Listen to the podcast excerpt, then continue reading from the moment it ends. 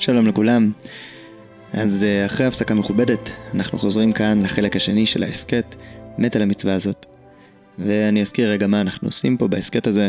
יש פסקה בספר חסידים שאומרת, אהוב את המצווה הדומה למת. זה מובא שם כדרשה על המונח מת מצווה. הכוונה היא שיש חשיבות מסוימת בעיסוק במצוות מתות, מצוות שלא נמצאות ביום יום שלנו מסיבה זו או אחרת. ובאמצעות המונח הזה, בעצם ספר חסידים מעודד אותנו ללמוד טהרות וקודשים. אנחנו ניגשים לאותו רעיון שספר חסידים העלה מכיוון אחר. אנחנו חושבים שמצוות, לצורך העניין מתות, הן אה, נקודות שמאוד מעניין לראות כאבן בוחן לדרכים השונות שבהן אנשים לומדים, האופן שבו הם מתייחסים למטען התיאולוגי שאיתו הם ניגשים ללימוד שלהם, ללימוד היומיומי שלהם, אבל כאמור זה יותר מעניין בהקשר של מצוות שפחות קלאסי לדרוש בהן, בוא נגיד ככה.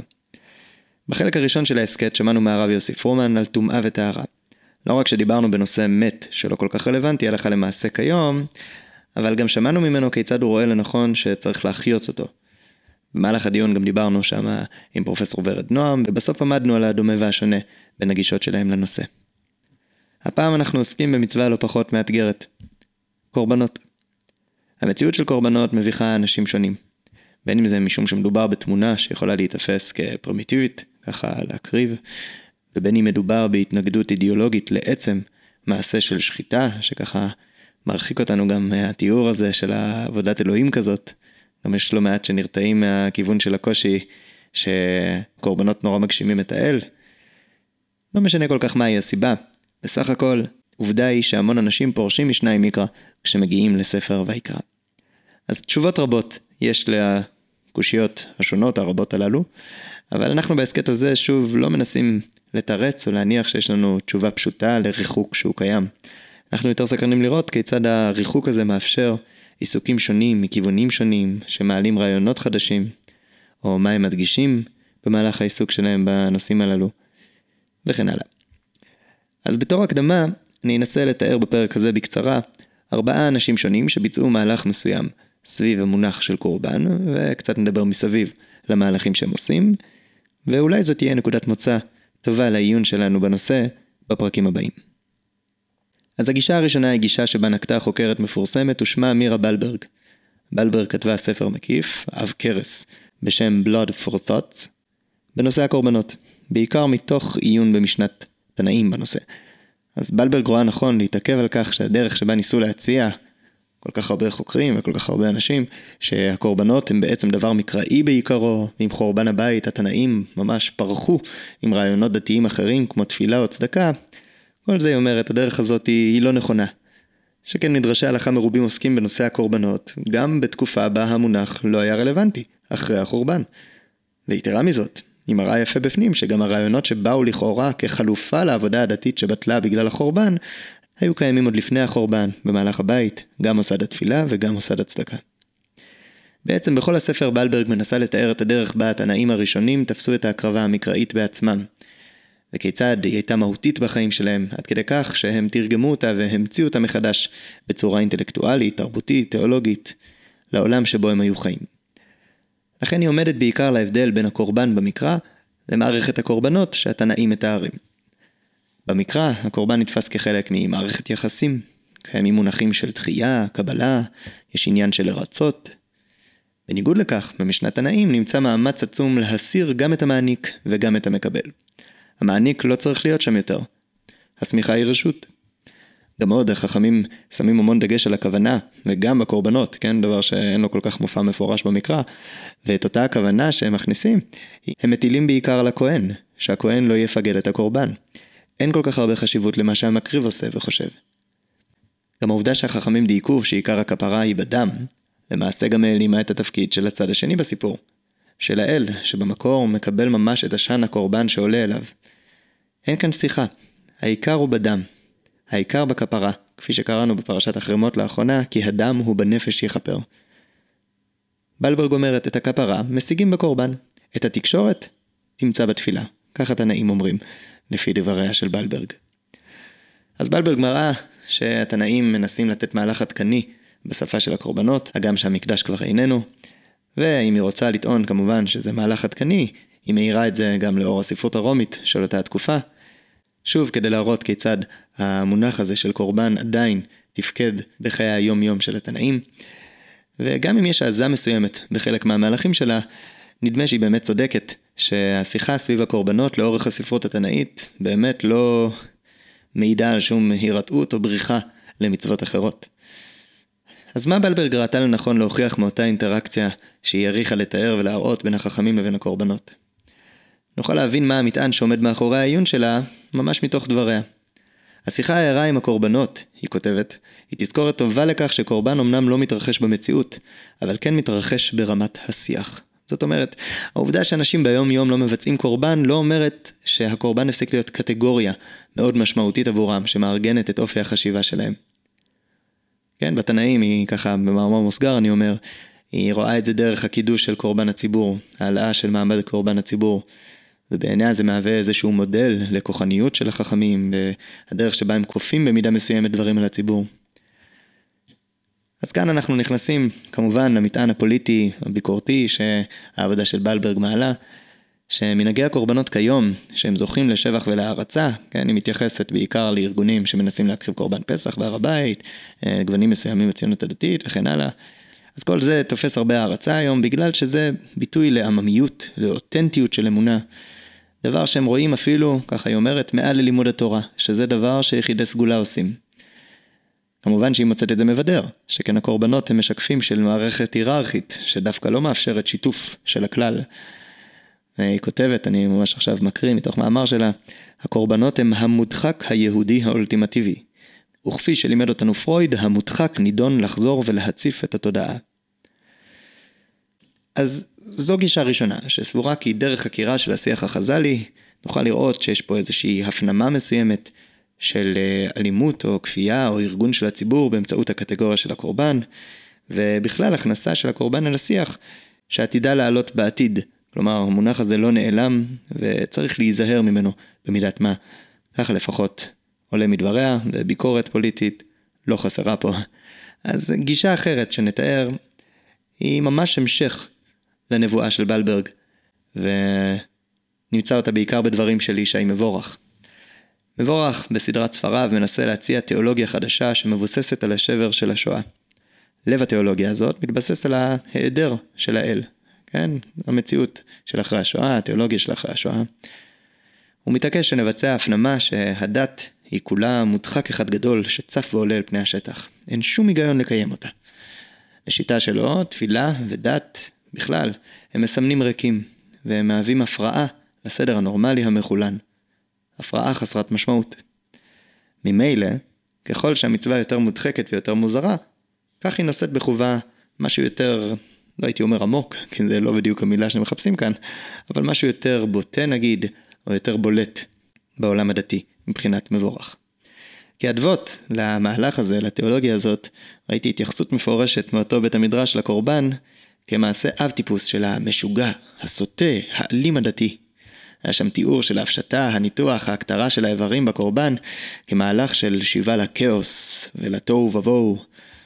בעצם יש שם איזושהי הנחה שהנוכחות של השחתה היא למעשה חלק בלתי נפרד מהמהות של הקדושה, ובכך היא רואה בקורבן כאב טיפוס ממש של מעשה דתי.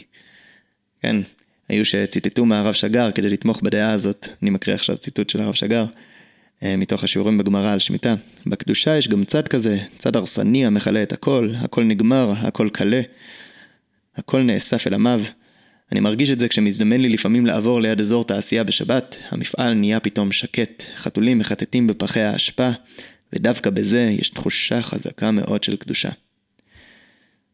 טוב, אז אנחנו רואים פה בן אדם שניגש לעסוק במצוות הקורבנות, מתוך ידיעה שמדובר במצווה רחוקה, גם מן הדעת וגם מן הלב, ואם בלברג חקרה את הפערים בין המקרא לחז"ל, ומן העיון שלה היא העלתה ביקורת סמויה על השימור של הקורבן בשיח, הרי שהגישה השנייה סבורה שבפשטות יש לקדש את הפער כפי שהוא.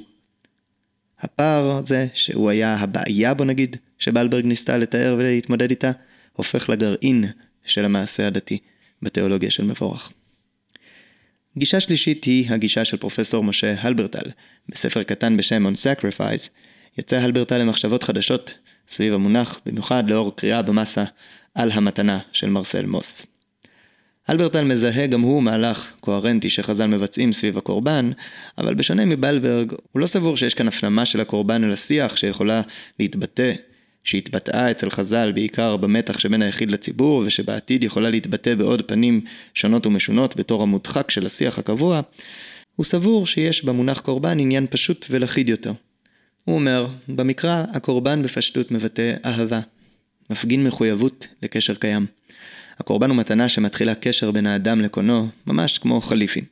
אני אתן לך, ואני מצפה, אני רוצה שאתה בעתיד תיתן גם לי. גם זה מזכיר קצת את התיאור בפרשת החמות של אדם שהקדוש ברוך הוא, אני נתתי לכם את אדם. מעין כך ותן.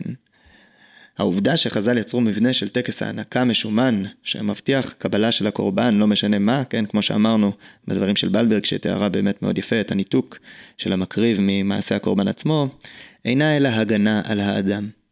אין כאן רעיון חדש שחז"ל הכניסו בעקבות מניעים לאומיים, או מוסדות שהם בדיוק הקימו וניסו לחזק באמצעות השפה של הקורבן. אין כאן העלמה שמתמיהה ומעוררת אותנו לחקור למה הם עשו כך, כפי שבלברג חושבת, אלא דברי חז"ל, אלברטל אומר לנו, מעידים כאלף עדים על הפנמה ואישור של הקיום של פחד, פחד שיש למקריב של הקורבן כבר במקרא. החשש הוא שמא הקורבן לא יתקבל, ויהיה כאן מפח נפש, ממש כמו מפח הנפש של קין. בכך נלמד, אומר אלברטל, שעצם הנתינה של המתנה, עצם המונח קורבן, יסודו בערעור וחשש, ולא במלאות עצמית. ומשם גם אלברטל יוצא לאיזושהי ביקורת, שאפשר לחשוב שבאמת היא משהו שהלך איתו לאורך העיון שלו. כיום, כשאנחנו שומעים בחדשות את המילה קורבן, אנחנו מניחים שהכוונה היא ליצור חסר ישע, שלא עשה דבר, וביצעו בו פשע. אפשר להיות קורבן של הרחוב, אפשר להיות קורבן לפשיעה, וכן הלאה על זו הדרך. מה שחזק בשימוש הזה במילה קורבן ככה, הוא, שה... הוא שהביטויים האלו בעצם מכורתם בציניות מסוימת. הוא קורבן של הרחוב. האם לרחוב יש אידיאל מסוים? הוא קורבן לאלימות. האם האלימות היא המקריב, או מה שאליו אותו אדם הוקרב? שימו לב, הביטויים הללו, אומר אלברטל, לא מבוססים על קורבן, כפי שהוא במקרא, על הקורבן כמתנה, אלא בקורבן במובן של מבטא של אידיאולוגיה מסוימת. כל התפיסה של הקורבן עברה ממקריבים ל, מקשר אישי, sacrifice to, למקריבים עבור, sacrifice for, בשם של משהו. זה הפך להיות אקט חיצוני שבעיקר מדבר אל האנשים שמבחוץ, לא אל האובייקט אליו כביכול מנסים להתקרב. מדובר בהבלטה של איזשהו יסוד החוצה, יותר מאשר מהלך אישי, אידיאולוגי, כן? ממילא אנחנו מבינים כבר איך זה גם מהדהד לנו את הדברים שמבורך אמר לאל, את הדברים שהזכרנו בגישה הקודמת, על הדתי כמבטא של הסוטה, הבועט, השונה. הלברטל אומר, שימו לב, הקורבן במקור הוא עניין של מהלך אישי ואידיאולוגי. המילה נטענה במטען שלילי, והיא הפכה את אקט ההקרבה כולו לאקט שמבטא אידיאולוגיה, ברוב עם והדרת מלך, אקט של פגיעה בזכות האחר בשם חשיבות מקודשת, ובין היתר, אקט של אלימות. הלברטל לא רואה בקורבן מעין מודחק קבוע שנמצא שם ופושט ולובש צורות שונות ומשונות בכל עידן ועידן, אבל כן חושב שמן המונח הזה נוכל לעלות על אי הבנה מסוימת, שתשומת לב אליה יכולה להשיב אותנו לחיים אידיאולוגיים, חיים שמתבטאים באמצעות הקורבן. טוב, אז זמננו נהיה קצת קצר להקדמה הזאת. נציין גישה אחרונה שממנה גם נצא לעיון שלנו, יחד עם הרב שלמה וולפיש, אותו נשמע בפרק הבא. פרופסור יונתן גרוסמן, שמוכר מאוד בציבור הדתי, יש לו סדרת שיעורים ממש אה, טובה ויפה בנושא קורבנות באתר הר עציון, וגם ספר מפורט יותר ובנוי באמת לתלפיות בשם תורת הקורבנות. אז הספר שלו, תורת הקורבנות, זכה לכותרת משנה, מחוות של בשר ורוח. וקצת נתעכב על זה. כי מה שמעניין הוא שפרופסור גרוסמן בנה את הספר כולו כפירוש לפסוקים, לא כספר שהוא נושא בנושאי קורבנות, בנושא החטאת, בנושא העולם. כלומר, הוא קצת מבטא את המתח שיש בין המחוות של הבשר והרוח למילים, לפסוקים. כאילו הוא אומר, הקורבן עובר דרך פעולות של הגוף, אבל מן הצד השני, יש פה פיתוי ליפול לתיאור של מילים. כלומר, בזמננו, אנחנו חושבים יותר על מחוות כדבר שמלווה במטען רגשי, שאפשר לדברר אותו. אבל הפעולות הדתיות הן לא תמיד דבר שאפשר לדברר. יש מתח מסוים בין פירוש של המילים שבספר ויקרא, סביב הקורבנות, לבין ההקרבה עצמה.